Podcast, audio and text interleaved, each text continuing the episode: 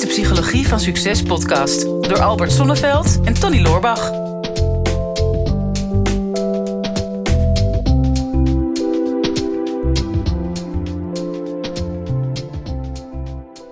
Tony, wat zie je er toch lenig en flexibel uit, man? Ja, ben ik ook. Ja. wat is er gebeurd? Ik heb je nog nooit zo flexibel gezien, normaal gesproken. Ja, uh, weet ik wel dat je gewoon enorm gefitnessd hebt. En dan kom je er weer zo breed uit uit die fitnessruimte. Dat je ja, ongeveer alle zonlicht uh, een beetje tegenhoudt op het moment dat we hier op kantoor zitten. Hm, goeie opening dit. ja. Maar uh, vertel. Ja, ik, ben dus nu juist veel kleiner geworden. Er is echt helemaal niks van me overgebleven. Nee, ik, heb, ik heb een yoga challenge gedaan. Zie je dat? Ja, dat wist je wel. Anders ja. begin je niet over. Nee, ja, ik wist dat zeker. Want ik heb, uh, beste luisteraars en kijkers, ik heb iets heel unieks meegemaakt in mijn leven. Tony in een yoga pakje. Want je hebt op een zaterdag bij Ellen in de yoga studio gezeten. Ja. En uh, ja, we zaten naast elkaar op een matje. Dat was echt, daar heb ik altijd al van gedroomd om jou een keer in spagaat uh, te zien. Ja, met, om met samen de... op het matje geroepen te worden. Ja. Nou ja, yoga, yoga pakje. Ik had gewoon een sweatpants aan. Dat is wat ik het, me het merendeel van mijn leven aan heb.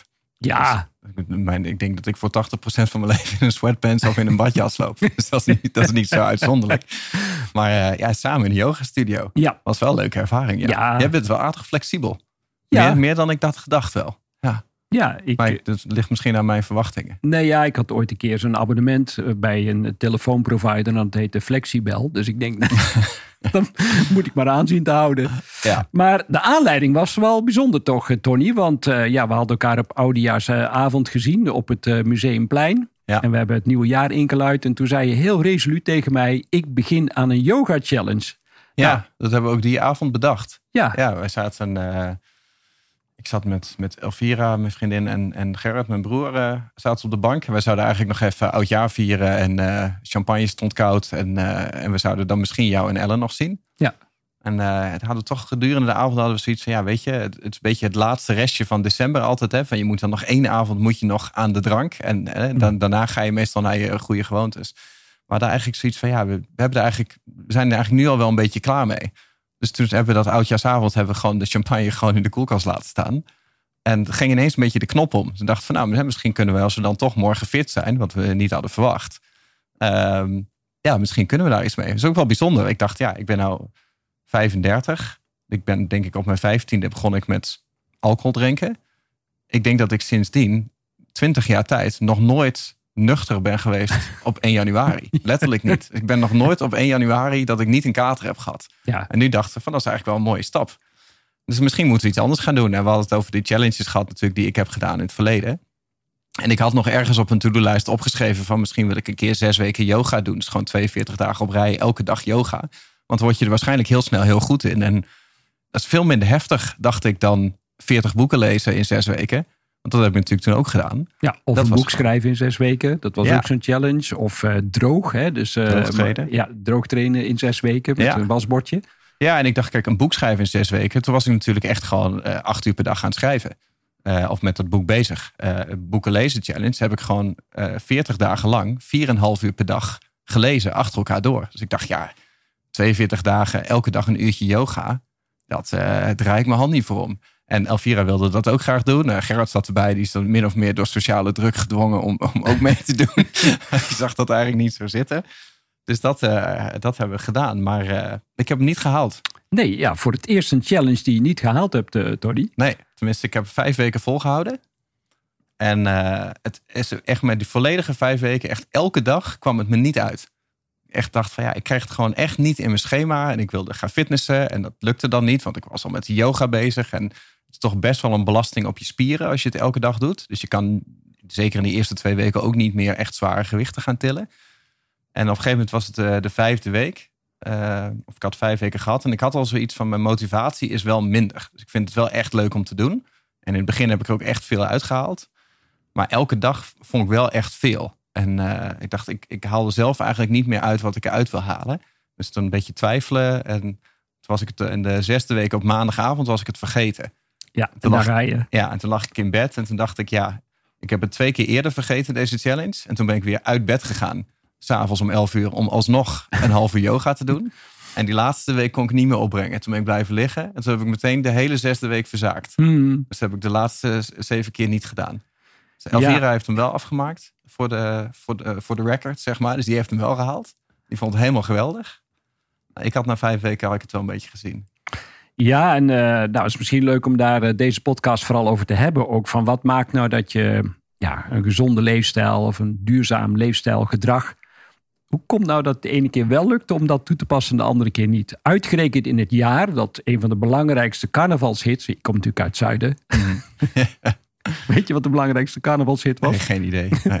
Als ik met onze Jo naar de yoga ga, Oh, oh dan leuk. zen ik helemaal zin. Eh, zin ik helemaal zen of zoiets dergelijks. Zoiets. Maar, Oh, leuk. Ja. als ik, nou, goed, dus als ik met onze Tony naar de yoga ga. Ja, Het is ook wat- yoga, hè? ja. ja, yoga is bier halen, dat was er ook één. Oh. Maar ehm, ja, duurzame gedragsverandering. En uitgerekend in, volgens mij in die zes weken, ehm, hebben wij ook naar een andere podcast geluisterd van een eh, zekere dokter Martin Appelo. Ja. En die had negen vragen. ehm, die dan gaan over of je het überhaupt lukt om nieuw leefstijlgedrag te ontwikkelen of niet. En het lijkt me nou eens heel leuk om in deze podcast vooral te kijken van, ja, wat zijn dan die negen vragen? Hoe, Mhm. hoe komt dat op ons over? En hebben onze luisteraars en kijkers daar ook iets aan? Want veel mensen zeggen altijd, ook zeker in mijn vak, ik wil heel graag veranderen. Ik wil iets veranderen in mijn leven, maar het lukt me steeds maar niet. Ja, ja, wat ook een fascinerende podcast was dat. Hè? Met, eh, volgens mij zat het in Dr. Kelder en Co. Was hij het Hmm. gast bij Ja. Jort Kelder.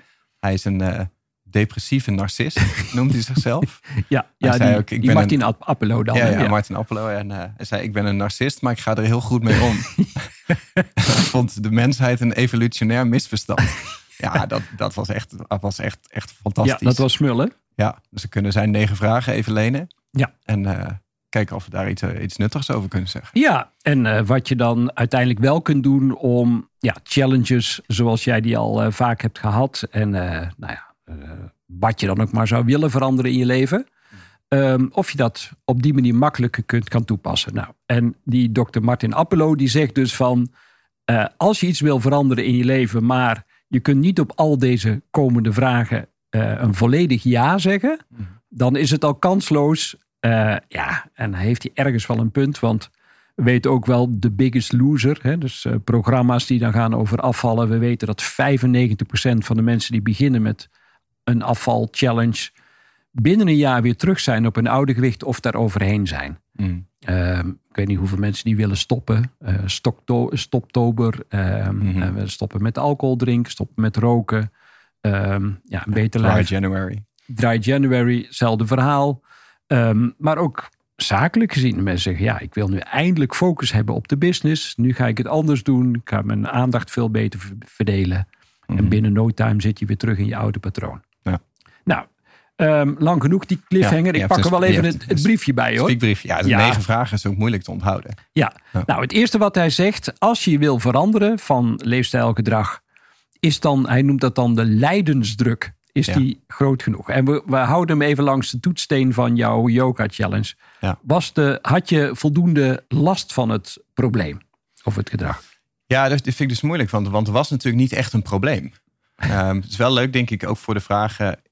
Want ik heb op hetzelfde moment besloten van ik ga even een tijdje stoppen met alcohol drinken. Maar niet als een dry January, maar gewoon dat ik precies op diezelfde avond, hè, dat de yoga challenge bedachten, dat ik zoiets van ik ben er eigenlijk gewoon helemaal klaar mee. Dus Hmm. misschien wil ik er wel helemaal mee stoppen, maar ik stop er in ieder geval nu resoluut mee voor onbepaalde tijd. En dat zijn twee dingen, want dat is me namelijk wel gelukt. Hmm. Dat is inmiddels eh, negen weken. En ik heb zelfs, ben zelfs in Italië geweest Nee. en geen rode wijn gedronken in Rome. Ehm, en dat, dat lukt me dus wel. Ja. En eh, als ik die vraag moet beantwoorden, denk ik ja, voor, voor de yoga, er was geen onderliggend lijden voor Nee. mij. Nee. Dus er was geen lijdensdruk. Voor de alcohol misschien wel meer. Ja, nou ja, beste kijkers en eh, luisteraars. Ik zit dus met een nuchtere Groninger. Zit ik aan, Ja. ta- Ja, aan tafel. Voor het uniek, eerst in hè? 20 jaar. Ja, ja, voor het eerst in 20 jaar. Dus eh, geen lijdensdruk. Nou, en dan die tweede vraag, die gaat over urgentie. Ervaar je op dit moment een zekere tijdsdruk om te moeten veranderen? Met andere woorden, moet er nu iets gebeuren? Ja, dat was bij die yoga. Ja, moest er echt iets, wilde je 100% graag flexibel, meer, meer Nee. zen? Nee. Nee, was geen urgentie. Nee, nee ik had ook geen, uh, geen fysieke klachten. Of ja, um, ik merkte dat ik een beetje een smartphone-nek begon te krijgen. en, smartphone-nek. Ja, Hoe ik, ziet er dat dan weer uit? Nou ja, ik, ik, ik heb gewoon veel in een slechte houding gewerkt hmm. de, afgelopen tijd. En, en, en toch, als je op je telefoon zit, dan krijg je een beetje een kromme nek. En, uh, en als ik op de bank thuis zit te werken, ik zit niet zeg maar netjes achter een bureau. Hè? Nee. Uh, daarvoor moet je onze YouTube-aflevering kijken, dan kun je het zien hoe ik het uitbeeld. Maar ik lig op de bank en ik heb mijn laptop naast me staan. En dan, ja, mijn ogen zijn ook niet per se heel goed, maar ik ben nog in ontkenningsfase. Dus ik, ga, ik kruip helemaal in die monitor. Hmm. En uh, ik kreeg echt een beetje zo'n bobbel op, mijn, op mijn nek. En uh, dat, dat vond ik toch wel aardig urgent om daar iets aan te doen. En dat, dat is door de zes weken yoga, vijf weken yoga, is dat wel echt afgenomen. Zo. Nou, ja. dat is al, dus nou, urgentie klopt. En dan drie uh, is dan de vraag, die gaat over het alternatief. Is er een alternatief voorhanden waarmee je het gedrag kunt oplossen? Was er een, ja, ja, ja daar, daar gaan we alweer. Kijk, als je stopt met alcohol, dan kun je zeggen, nou, eh, het alternatief is alcoholvrije drankjes. Hè, die zijn er tegenwoordig in overvloed. Mm -hmm. maar bij het yoga gebeuren, was er een andere reden of was er een alternatief om die knobbel in je nek op te lossen? Die, die... Het zal er ongetwijfeld wel geweest zijn. Ja. maar dat is dus, dus als het over gedragsverandering gaat. Hè, de gedragsverandering voor de yoga is natuurlijk om van uh, niet yoga naar wel yoga te gaan. Mm hè, dus, dus wat was het probleem van, van de niet-yoga? Ja, dat was misschien, misschien wel een, een, een ja, een bobbel. Of, uh, of wat, ja, wat, Gebrek aan flexibiliteit. Ja, of beter gezegd van wat brengt, uh, bijvoorbeeld hè, wat brengt alcohol je? Waardoor je daar niet mee wil stoppen met drinken. Hè? Maar is daar een alternatief voor? Of wat brengt uh, niet yoga je? Brengt hmm. natuurlijk ook een stukje plezier. Om gewoon lekker voor de tv te gaan zitten. ja. Maar nee, er zal, er zal ongetwijfeld een alternatief zijn geweest. Ja, ja en dan krijg je vraag 4 en die gaat over automatisme. Kan je de vanzelfsprekendheid of het automatisme, de gewoonte van je gedrag makkelijk doorbreken? Ja. Ja. Ja. Nou, ehm, als het om alcohol drinken gaat, eh, eh, vond ik dat relatief makkelijk. Ehm, maar daar zitten natuurlijk gewoontes in. Hè? Dat je het associeert met. Hè? Dus dat je op vrijdagmiddag op, met de borrel, dat associeer je met een borrel. Uh, uit eten gaan of met je vrienden uh, gaan hangen. dat kun je associëren met alcohol. Dat is dan echt een gewoonte.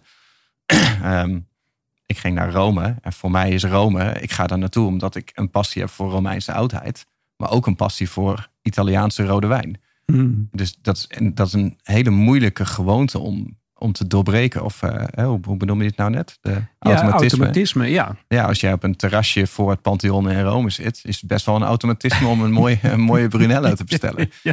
ja. Um, ik, maar ik had daar geen moeite mee om dat, om dat te doorbreken. Nee. Goh. Nou ja, dat is waarschijnlijk ook de reden dat het je nog steeds lukt om geen alcohol of lukt.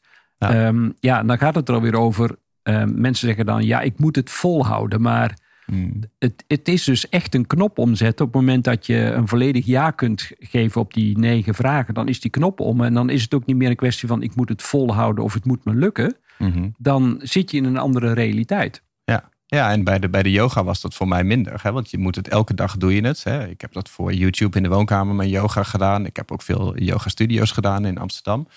En, en dat is een, een nieuw automatisme wat er dan in moet komen. Uh, en waarschijnlijk op de plek van iets anders. Hè? Dus gewoon op, uh, op de zaterdag en de zondagochtend is mijn automatisme om niet een wekker te zetten. En mm. natuurlijk lekker mijn ding te doen. En nu begon dat met yoga. Hè? Of het automatisme om uh, in dat moment van de dag waarin je de energie hebt om met je lijf bezig te gaan. Dat was meestal het moment dat ik ging fitnessen. Hè? En nu moest ik die fitness veranderen voor yoga. En die vond ik heel moeilijk. Omdat ik, ik zag mezelf gewoon kleiner worden en mezelf minder sterk worden. Ja. En uh, ik dacht, ja, ik heb maar één keer per dag energie om aan mijn lijf te gaan werken. En ik vind het zonde dat ik dat nu aan de yoga moet besteden. Hm, nou. Ja. En dan hebben we sociale druk. Dat is ook wel een grappige. Dat is uh, vraag 5 inmiddels. Uh, houdt de omgeving jouw huidige gedrag op een bepaalde manier in stand? Of stimuleert die dat misschien zelfs wel? Ja, bij alcohol natuurlijk wel. Ja, want, doe niet zo flauw.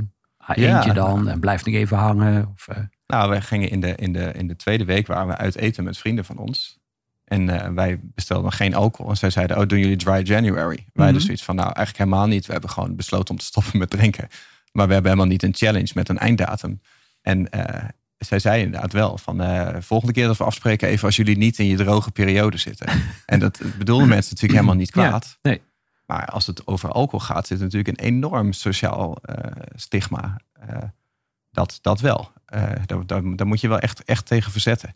Heel, ja, moet je echt in uh, sterke schoenen staan om, uh, om er in ieder geval voor te zorgen dat je niet bezwijkt onder die sociale druk. Ja, dat herken ik ook wel. Ja. Ja. ja. ja en dan de voordelen opgeven. Dat is vraag 6. Uh, ben je oprecht bereid om de voordelen van je huidige gedrag op te geven? Ja, een voordeel bijvoorbeeld bij de yoga challenge is: oh, ik blijf lekker in bed liggen. Ja. Dan heb ik een extra half uurtje, bijvoorbeeld, als een mhm. voordeel. Ja. Um, ja, nou, die, die voordelen was ik wel bereid om op te geven. Ja. ja. Of tenminste, denk ik. Maar ja. uh, twijfel. Ja. ja. dat kan je wel. Ja, en met alcohol. Wat is, wat is het voordeel van alcohol drinken? Voor jou? Uh, uh, is voor mij geassocieerd natuurlijk met ontspannen. Hmm. het laat ook mijn losse kant zien. Dus ik krijg me anders misschien niet een dansvloer op. Ja. je hebt andere contact met elkaar, meer gezelligheid. Met name voor andere mensen ook heel leuk als ik gedronken heb. ja. Nee, maar dat, die heb ik mezelf ook wel afgevraagd. Van wat, wat is nou precies de reden waarom je drinkt? Hè? Doe je hmm. het echt vanwege de smaak van de alcohol? Of is het hmm. vanwege de emotie die jij verbonden hebt aan die smaak? Of is het, is gewoon het, uh, het, het, het, sociaal-maatschappelijke, zeg maar? En, en, meestal is het dat. Hè? Want ik denk, ja, tuurlijk, je kan enorm genieten van de, van de emotie die je zelf hebt gemaakt rondom. Oh, ik zit daar in Italië in het zonnetje voor uh, een 2000 jaar oud gebouw. En ik eh, drink eh, een, een wijn waar ik verstand van heb. Dat plaatje, dat klopt helemaal. Maar je, je drinkt het plaatje. Ja. Je drinkt niet per se de exacte smaak van de hmm. wijn. Um, en je drinkt ook niet per se het effect van de alcohol op je lijf. Het is niet per se dat je denkt, ik, ik moet die alcohol in mijn lijf hebben, want anders dan uh, ben ik minder gelukkig. Dat is eigenlijk heel apart. Ja, ja. ja fascinerend hè. Ja. ja, wij zeggen ook wel tegen elkaar op het moment dat alcohol nu voor het eerst op de markt zou verschijnen, zou het waarschijnlijk verboden worden. Ja. Wist je dat er zit zelfs een stof in alcohol die ze gebruiken om lijken te balsemen? Dus, eh, ja, alleen al die gedachte dat je dat naar binnen giet. En, uh, en man, man, man, wat je lijf allemaal moet doen om, uh, om, om dat gift er weer uit te krijgen. Ja, ik vind het, ik vind het wel, hè, ook als het over het, het, het sociale probleem gaat. Ik kan dit nu zo uitleggen in een podcast. Mm. Maar toch, ik vind mezelf wel een beetje hypocriet. Ja? Ook als ik denk van ga ik hier dan in de podcast nu ineens uh, uh, dan de paus zijn of een bedweter zijn over oh, alcohol is vergif en dan moet je niet in je lijf hebben. Ik ben net echt twintig jaar lang op rij een vervent voorvechter geweest mhm. van extra alcohol. Um, dus ik zie echt wel beide kanten. Ik sluit ook niet uit dat ik op een gegeven moment wel weer ga drinken. Maar dat is tegelijkertijd zie ik ook wel hoe hardnekkig dat dan eigenlijk in, het, in mijn systeem en in de maatschappij zit. Ja, zeker. Zeker, ja. Ik heb ook uh, zeg maar, zo'n zo'n stopmaand gehad. Hm. En nou, ik denk dat het er vooral over gaat dat je het gevoel hebt dat je een keuzemogelijkheid hebt. Daar, hm. daar gaat het altijd weer om. Dat je zegt van nou, ik kies ervoor om nu een tijd niet te drinken. Hm. Onder welke omstandigheden dat ik ook ben. Het is gewoon een mooi experiment waar je mee bezig bent. En zodra je die, die keuzemogelijkheid voelt, die vrijheid van nou, ik, ik, kan, ik kan drinken, maar ik hoef het niet en ik ben er niet afhankelijk van. Ik heb het patroon doorbroken ja, volgens mij komt er dan rust in je systeem. Ja. Ja, terwijl ik moet toch ook wel bepaalde levensopvattingen gaan loslaten. Ik heb vaak gezegd, uh, antwoorden op grote vragen in het leven liggen meestal onder in de fles. dus ja, er wordt gewoon een minder, minder wijs leven voor mij. Ja. En ik heb ook vaak gezegd, uh, gewoon alcohol, het kwaad zit hem niet in wat het lijf ingaat, hè, maar wat, wat eruit komt. Mm. Van de dingen die je gaat zeggen door, door de alcohol.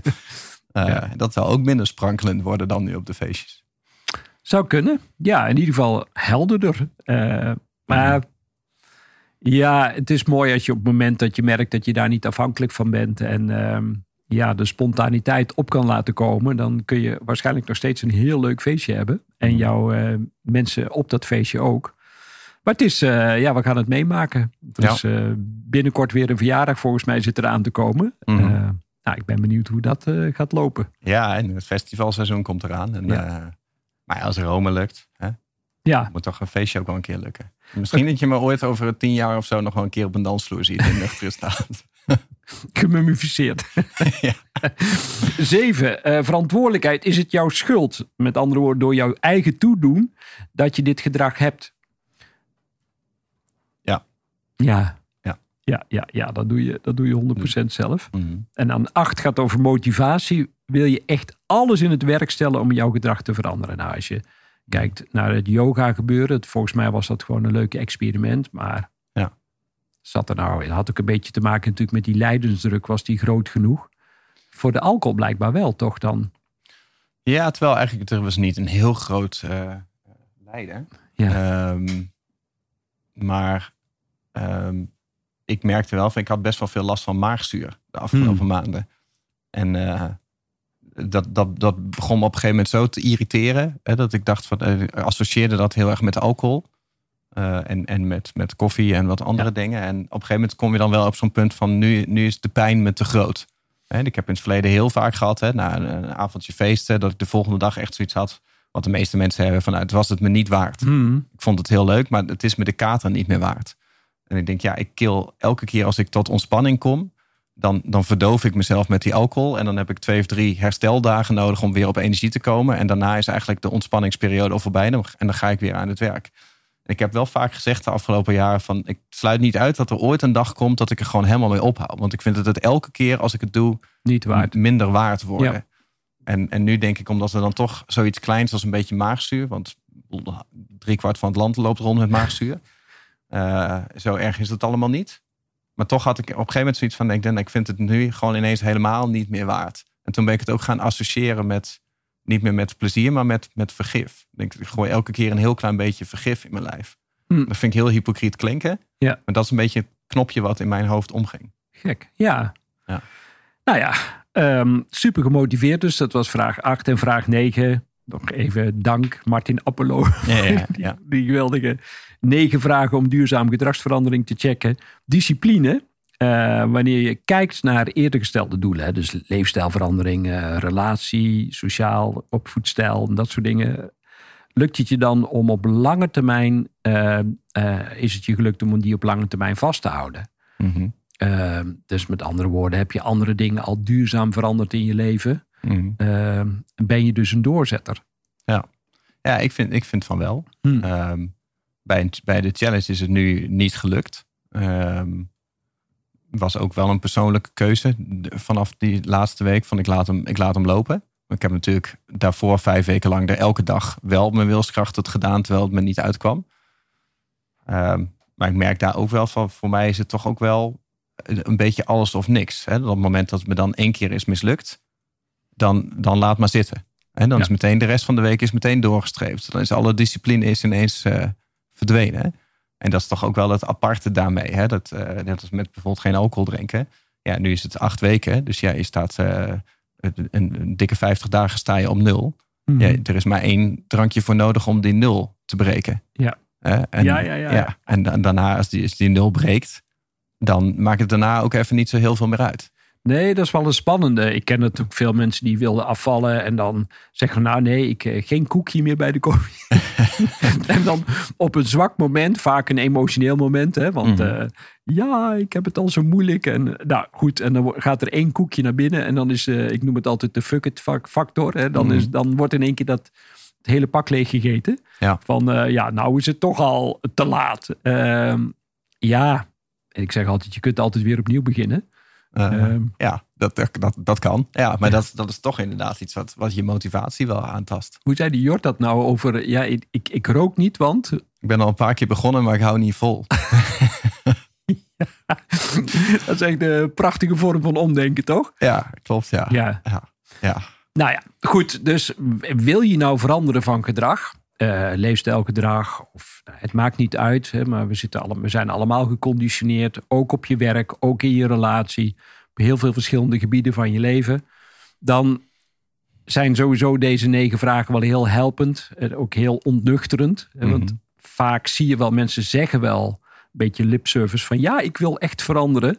Totdat je die negen vragen onder je neus krijgt. En ja, dan moet je echt wel radicaal, super eerlijk, een volledig ja op kunnen zeggen. Want anders is het al redelijk kansloos dat je dat op lange termijn ook echt gaat veranderen. Mhm.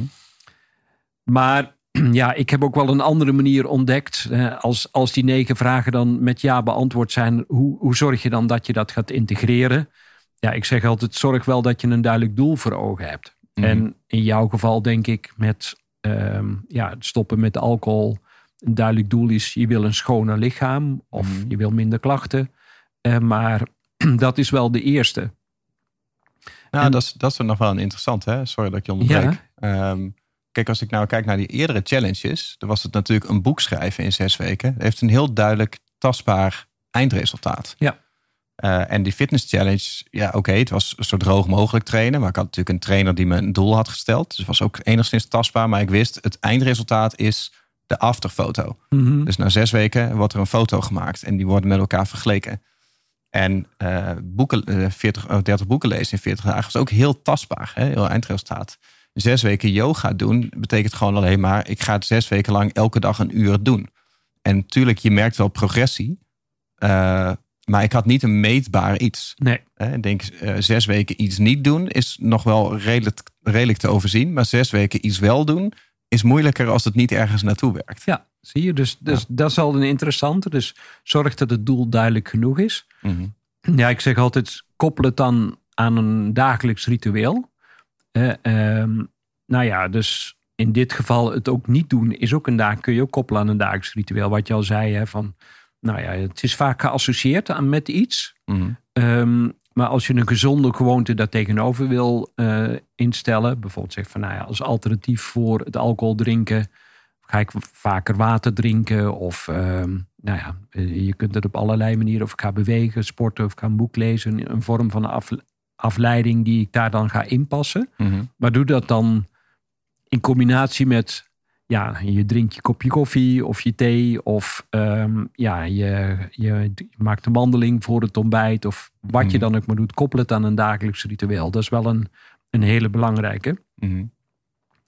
Ja, en verder, en dat heb je ook wel gemerkt, om nieuw gedrag te ontwikkelen, ja, moet je het wel eindeloos herhalen. En de gedragswetenschappers zijn het er niet helemaal over eens. Mhm. Maar zeggen toch wel dat gemiddeld tussen de 6, 8 weken, sommigen zeggen 66 aan één gesloten dagen, dus ook in het weekend, ga je door met het vormen van nieuwe neurologische paden Hm. in je brein. Als je dat niet voor ja, echt integreert en je onderbreekt het weer, hè, wat je al zei, van ja, toch maar weer één glaasje wijn of toch Mhm. maar weer dat chocolaatje. Ik heb. Mijn, mijn chocolate craving, die is ook altijd wel eh, Ja? op de achtergrond aanwezig. Hm. Die heb ik ook zo geassocieerd op bepaalde momenten van de dag. Nou, als je, als je dat doorbreekt, we hebben het wel eens een keer gehad over koud douchen. Hè, Dus iedere dag, en als je dat 66 aan één gesloten dagen doet, dan zit het in je systeem, je lichaam is er gewoon helemaal aan gewend.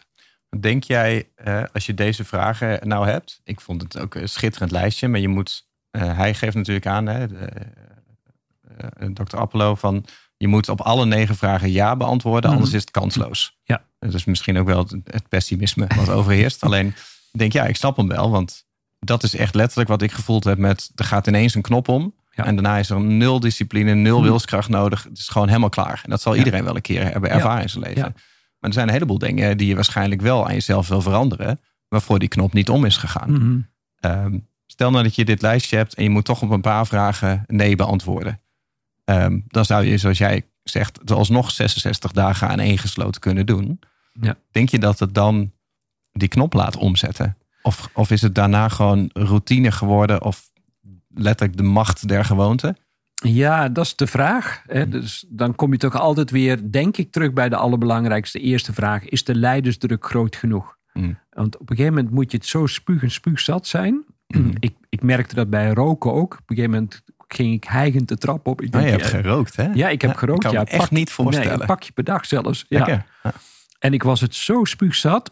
En dan gaat die knop om. En dan, wat ik al eerder zei, dan kom je in een soort ja, nieuwe realiteit terecht. Waarin je ja, bijna niet meer voor kunt stellen. Huh, heb ik nog gerookt? Het, het, het voelt dan heel ver weg. Hm. En zo'n radicale keuze is wel het allerbelangrijkste. Je rook onraad. ik, ik rook van alles. maar het was niet de vorm van rook die ik graag had, wil, Hm. eh, had willen hebben. Ja, en dan... Het, het gaat ook op een bepaalde manier... moet je ook wel een fysieke beloning voelen. Dat is dan de vierde stap in het veranderen van gedrag. Dat je ook wel voelt, oh, het doet me echt goed. Hè? Nu jij merkt van, oh, ik, ik voel me helderder, frisser, schoner, blijer.